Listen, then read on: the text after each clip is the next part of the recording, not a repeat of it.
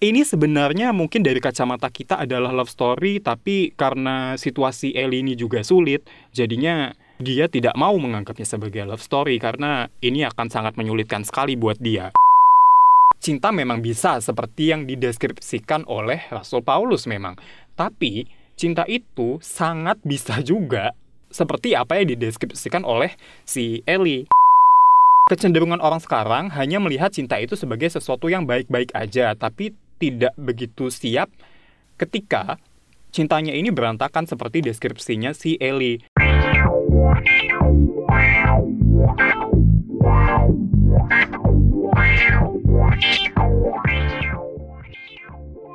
Halo, selamat datang dan selamat mendengarkan podcast Review SJW sebuah podcast yang membahas isu sosial dan budaya, juga politik dan lingkungan yang ada dalam TV series, film, dan pop culture lainnya bersama gue, Budi Winawan. Di episode kali ini, gue akan membahas film The Half of It, sebuah film yang mulai available di Netflix tanggal 1 Mei 2020. Film ini bercerita tentang Ellie yang dibayar oleh Paul untuk bikinin dia surat cinta buat Aster, Eli ini emang biasa dibayar sama teman-teman di sekolahnya, tapi biasanya untuk bikin tugas sekolah, bukan surat cinta. Nah, makanya karena belum pernah bikin inilah, akhirnya si Eli ini nolak. Udah gitu juga Eli berpikiran bahwa surat cinta itu kan harusnya personal ya, ada sentuhan yang khas gitu dari penulisnya seharusnya. Dan juga alasan lainnya lagi adalah jadi sebenarnya si Eli itu suka sama Aster. Jadi gak enak juga kan kalau misalnya mau nulis mengatasnamakan dirinya sebagai Paul gitu. Tapi cuman kemudian dia menerima tawaran si Paul karena dia butuh duit. Jadi sebenarnya Eli itu tipikal cewek yang pintar tapi miskin gitu. Jadi waktu itu dia udah waktunya jatuh tempo untuk bayar tagihan listrik tapi cuman gak punya duit akhirnya dia bilang ke si Paul oke okay, gue mau bikinin surat cinta buat lo nanti gue kirimin ke si Aster tapi lo harus bayar gue 50 dolar yang adalah tagihan listriknya dia waktu itu yang menarik dari film ini adalah formula yang biasa dipakai di film atau TV series drama remaja pada umumnya itu minim dan dimodifikasi jadi contohnya kayak si Aster ini cantik tapi dia dideskripsikan bukan primadona di sekolah. Jadi nggak kayak semua orang di sekolahnya itu ngejar-ngejar dia lah atau gimana itu enggak. Terus si Paul ini juga meskipun dia adalah tipikal cowok anggota tim olahraga, lebih tepatnya American football, dia ini tidak dideskripsikan ganteng atau hot atau yang gimana. Terus si Elinya juga dia memang dibully sih, tapi gue tidak melihat porsinya itu banyak. Dan dengan porsi yang sedikit itu, gue masih bisa menangkap bahwa ini berperan dalam membangun karakternya si Ellie gitu. Cuman tidak mencuri fokus ceritanya yang adalah love triangle. But actually no, karena gimana ya? Meskipun tadi gue bilang love triangle, film ini dimulai dengan narasi bahwa this is not a love story gitu ya dinarasikan oleh si Ellie gitu kan. Itu karena uh, mungkin si Elinya juga masih remaja dan dia tinggal di sebuah kota kecil yang lebih mirip kayak kampung sebenarnya di sebuah kota yang fiktif. Jadi itu nggak ada sebenarnya di dunia nyata. Yang itu masih sangat religius, sedangkan si Ellie ini kan perempuan dan dia suka sama Aster yang juga perempuan. Jadi ini kisah lesbian gitu. Jadi ini sebenarnya mungkin dari kacamata kita adalah love story, tapi karena situasi Ellie ini juga sulit, jadinya dia tidak mau menganggapnya sebagai love story karena ini akan sangat menyulitkan sekali buat dia. Terus, adegan drama remaja yang tipikal tapi dimodifikasi di film ini adalah adegan party. Jadi si Ellie ini tidak digambarkan mabuk banget sampai mabuk berat gitu enggak paling cuma tipsi tipis-tipis aja dan itu pun enggak ada drama dia dimarahin orang tuanya ketika sampai rumah gitu. Dan seperti yang gue bilang tadi ini kan film lesbian ya.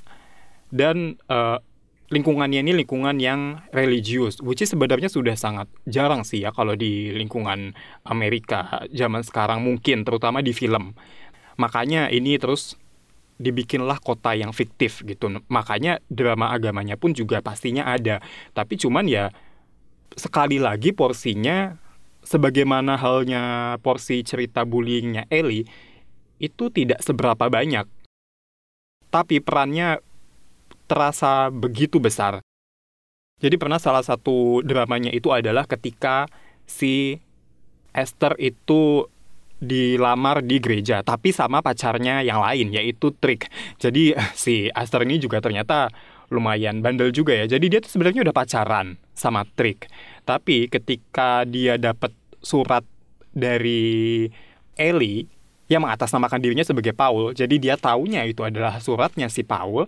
Si Esther ini juga tetap menerima tawaran kencannya si Paul. Jadi mungkin hubungannya dengan si Trick ini tuh nggak seberapa menyenangkan gue rasa. Karena si Trick juga cuman tipikal yang badannya besar, mukanya ganteng, tapi tidak ada hal menarik lainnya dari dia gitu. Jadi ya cuma modal tampang doang aja. Sedangkan si Aster itu sebenarnya tipikal cewek yang pinter. Jadi dalam surat balasan pertama yang diterima oleh Ellie, yang harusnya diterima oleh Paul ya, itu si Aster bisa notice bahwa surat pertama yang dikirim oleh Ellie itu dia nulis kalimat yang diucapkan oleh karakter di televisi dalam sebuah drama klasik gitu. Nah dari situ si Ellie juga jadi makin suka dan terus makanya si Ellie juga kemudian memutuskan untuk ngelanjutin nulis surat untuk si Aster mengatasnamakan dirinya sebagai Paul. Padahal perjanjiannya dia cuma pengen sekali doang gitu kan. Nah anyway, kembali ke gereja, ketika si Aster dilamar di gereja itu, si Ellie terus teriak dong, no, stop, semacam seperti itu. Dan gue suka sama balasannya si Ellie kemudian. Karena kan awalnya itu si Trick melamar si Aster dengan menggunakan uh, ayat di Alkitab yang bunyinya mendeskripsikan cinta yaitu love is passion, love is kind, it does not envy, it, it does not boast, it is not proud, it does not dishonor other, etc. Pokoknya yang dideskripsikan oleh uh, Rasul Paulus di kitabnya yang Korintus kalau nggak salah. Nah si Eli ini ngebalasnya gini, Love isn't patient and kind and humble. Love is messy and horrible and selfish and bold. It's not finding your perfect health.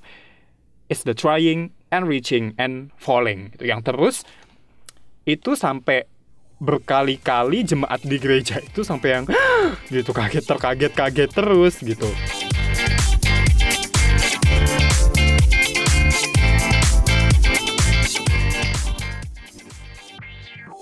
Dan menarik banget apa yang dibilang Ellie tentang cinta ini karena pertama dia sendiri menarasikan di awal filmnya tentang ini bukanlah sebuah kisah cinta, tapi cuman menjelang ending si Ellie mendeskripsikan cinta itu apa.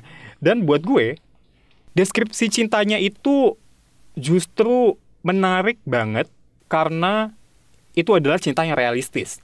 Gue pribadi melihat cinta yang dideskripsikan oleh Rasul Paulus di kitab Korintus itu sebenarnya terlalu apa ya idealis. Well, gue tidak apa ya tidak menyangkal bahwa cinta memang bisa seperti yang dideskripsikan oleh Rasul Paulus memang. Tapi cinta itu sangat bisa juga seperti apa yang dideskripsikan oleh si Eli bahwa cinta itu tidak sabaran, kadang nggak baik, kadang juga nggak ramah, bisa berantakan, bisa kacau, bisa uh, egois, bisa apa ya, bisa sebegitu kuatnya gitu. Dan to be fair, menurut gue cinta itu sebenarnya ya kedua hal itu, kedua hal yang kedua hal maksud gue yang dideskripsikan oleh Rasul Paulus iya, yang dideskripsikan oleh Eli juga iya gitu. Cuman kan kecenderungan orang sekarang hanya melihat cinta itu sebagai sesuatu yang baik-baik aja, tapi tidak begitu siap ketika cintanya ini berantakan seperti deskripsinya si Ellie. Which is ironic karena si Ellie ini masih remaja gitu. Tapi di sisi lain, justru remaja yang bisa melihat betapa kacaunya cinta ini dan mengalami betapa kacaunya cinta ini. Karena mungkin seiring bertambahnya usia, karena kita sudah mengalami perjalanan cinta yang kacau dan segala macamnya itu, kita capek jadi maunya yang idealis aja gitu dan kita tidak sadar itu nah menonton film ini lewat karakter Ellie gue jadi diingatkan lagi bahwa cinta itu bisa seberantakan itu dan ketika kita sudah dewasa kita harusnya bisa mempertimbangkan sisi itu jadi kita tidak mudah kabur ketika ada nilai setitik dalam susu sebelanga. Jadi kita bisa lebih memaafkan, kita bisa lebih sabar. Jadi kita harus berkaca lagi pada sisi remaja yang ada dalam diri kita. Nah terus habis dari gereja itu si Eli sama Aster ketemu terus mereka ngobrol dan akhirnya ketahuanlah bahwa si Eli ini yang ngirim surat ke Aster bukan Paul. Dan si Aster juga kemudian bilang bahwa ya pikiran bahwa lo yang nulis tuh juga bukannya tidak pernah terlintas sama sekali sih gitu. Gue juga sesekali sempet agak semacam curiga bahwa lo yang nulis gitu. Kurang lebih itu yang dibilang Aster ke Ellie dan uh, akhirnya mereka saling ngobrol lah. Terus si Ellie mengingatkan lagi kepada si Aster tentang bahwa ya ketika lo mencintai, you must be bold, semacam itulah.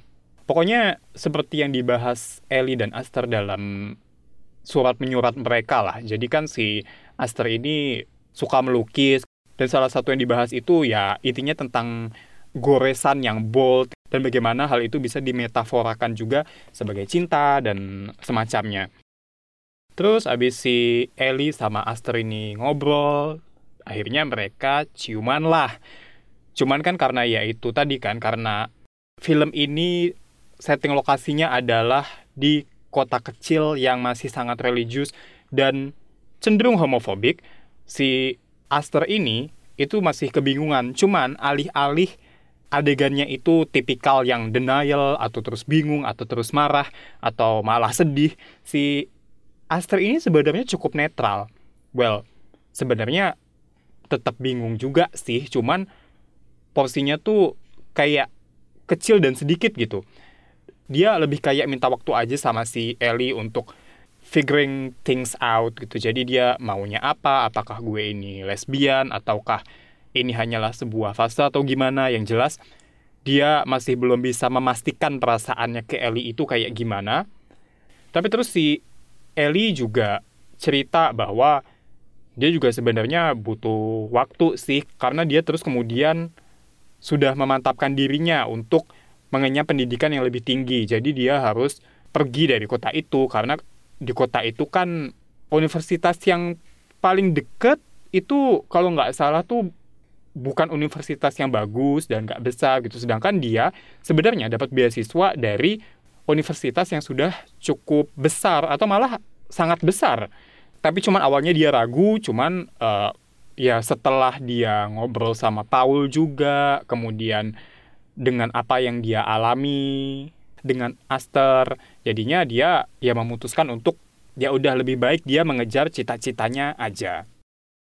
Lalu bagaimana nasib Paul ketika si Aster ini sudah tahu bahwa Ellie nulis suratnya dan uh, kemudian si Ellie juga ngaku karena ditanya oleh si Paul bahwa Ellie ini juga suka sama Aster. Awalnya mereka tuh marahan gitu si Paul kecewa. Tapi terus Paul coba memahami, dia coba cari tahu tentang how do you know when you're gay gitu. Dia googling. Sampai terus ketahuan lah sama keluarganya bahwa dia googling tentang itu. Dan terus keluarganya si Paul ini nanya, "Paul are you gay?" gitu. Dan intinya sih bilang bahwa kalaupun iya gak apa-apa kok gue bakalan menerima gitu. Terus enggak kok gue nggak gay gitu. Terus oh thank God gitu. Dan dia ngaku dia ditanyain sama nyokapnya itu di gereja pula. Jadi ya itu momen yang cukup lucu lah. Ya gitu itu kan usaha Paul untuk memahami si Ellie dan uh, usaha untuk memahami Ellie ini juga terus berlanjut dengan si Paul tetap mengunjungi bokapnya si Ellie terus pada akhirnya juga mereka ngobrol lalu saling deket dan kedekatan itu yang justru gue sukai kedekatan antara Ellie dan Paul yang gue sukai dari film ini kedekatan sebagai seorang teman ya dan gue merasa bahwa itu lebih menyentuh ketimbang dinamika konflik antara si Ellie dengan Aster gitu. Makanya posternya jadi make sense terutama buat gue sendiri sih. Jadi posternya itu kan ada si Ellie, Paul, dan di tengah-tengahnya itu ada Aster, tapi Asternya ini ngeblur fotonya.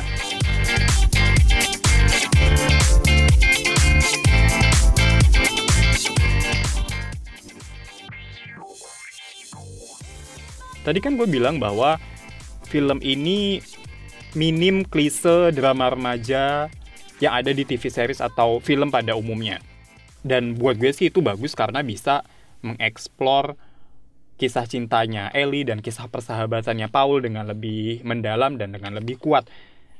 Tapi sayangnya, buat beberapa orang film ini bisa jadi membosankan karena memang gue sendiri sebenarnya mengakui bahwa agak flat memang tanpa klise-klise drama remaja itu. Cuman kalau gue menangkapnya bahwa tanpa klise, tanpa formula drama remaja yang biasa dipakai di film dan TV series, gue merasa film ini justru jadi pure, jadi murni gitu, jadi lebih hangat dan lebih mendalam justru. Dan gue merasa film ini sama halnya kayak film-film festival pada umumnya sih. Jadi film ini kan menang di Tribeca Film Festival ya. Tribeca atau Tribeca pronunciationnya yang bener. Pokoknya itu adalah salah satu festival film yang besar kan di dunia dan The Half of It ini salah satu film yang menang gitu. Jadi uh, melihat ceritanya, melihat uh, plotnya, ya memang ini khas film yang biasa ikut festival sih. Kebanyakan film-film yang ikut di festival itu ada kecenderungan flat karena berbeda dengan film-film tanda kutip mainstream.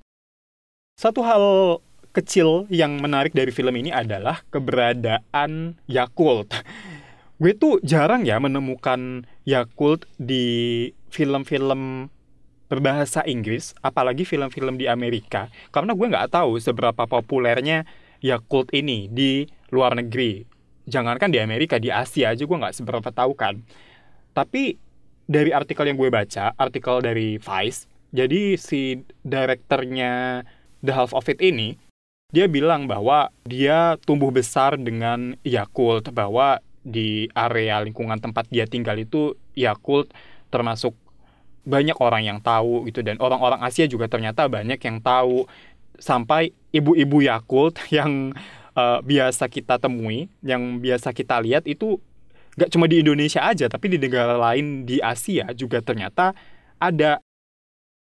Awalnya direkturnya ini sempat ingin menghapus narasi Yakult ini di The Half of It. Karena ketika lagi masa praproduksi To All the Boys I Loved Before ini tayang. Nah, ada Yakult juga di situ. Dan setelah To All the Boys I Loved Before ini tayang, hasil googling tentang Yakult di Amerika itu ternyata sampai uh, berkali-kali lipat gitu. Dan nggak tahu ya alasan pastinya apa si uh, direkturnya The Half of It ini jadi mikir ulang lagi gitu mungkin takutnya ini kali ya ngopi atau menjiplak atau meniru formulanya To All the Boys I Loved Before. Padahal ya sebenarnya enggak sih. Makanya akhirnya uh, keputusan mempertahankan adegan yang ada Yakultnya itu menurut gue ya sah-sah aja. Menurut temannya si sutradara The Half of It ini, Yakult itu ternyata juga buat orang Asia itu sama halnya seperti orang Barat dengan Coca-Cola gitu. Kalau orang Barat kan siapa sih yang nggak tahu Coca-Cola? bahkan kita aja orang Asia ya itu tahu kan Coca-Cola apa nah Yakult pun posisinya sama seperti itu